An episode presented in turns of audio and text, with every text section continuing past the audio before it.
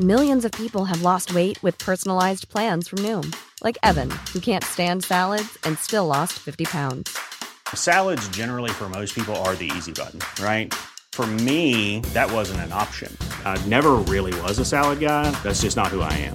But Noom worked for me. Get your personalized plan today at Noom.com. Real Noom user compensated to provide their story.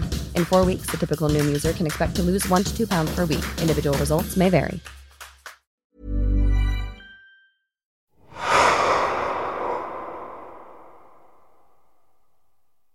Noen ganger er det vanskelig å si akkurat hvor en historie begynner. Men denne historien er jeg sikker på at begynner i Stalsberghagen kapell. Da jeg drar i en begravelse og er den eneste som dukker opp. So there was no one there. There was no one there, Christel. No. There was no one there. That's the saddest goodbye I've ever heard. Kvinner som ble gravlagt, har levd et liv som nomade i 30 år. Hun har dratt en tung trillekoffert etter seg, fra plass til plass i Skandinavia, og levd av å lure folk.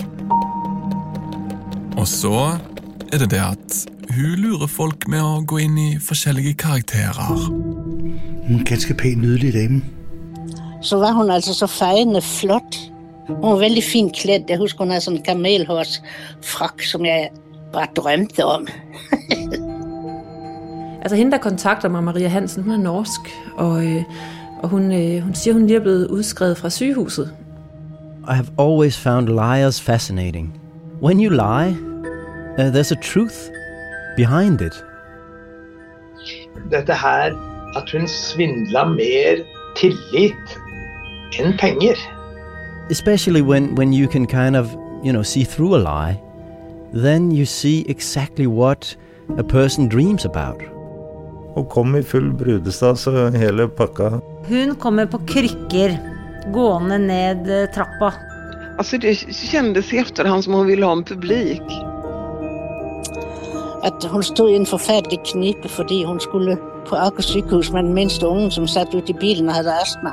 Så sa hun kunne du låne meg 500 kroner, sa hun så.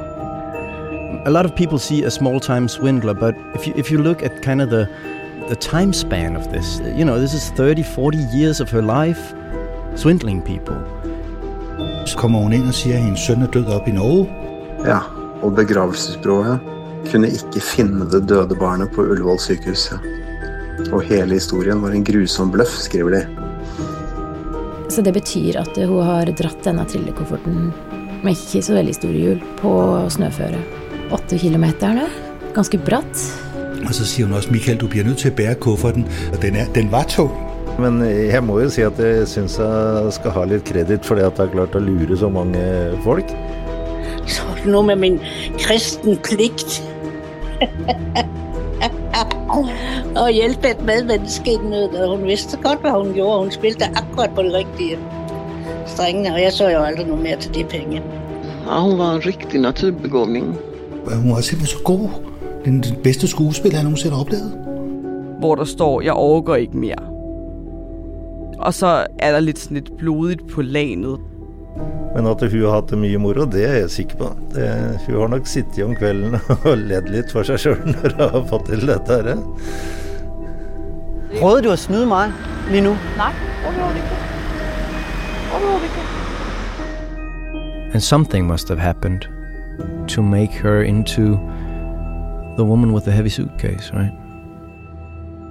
Den første episoden av denne dokumentarserien i ni deler, 'Kvinner med den tunge koffert', kommer hjem, kan du høre allerede førstkommende torsdag i en mørk historie.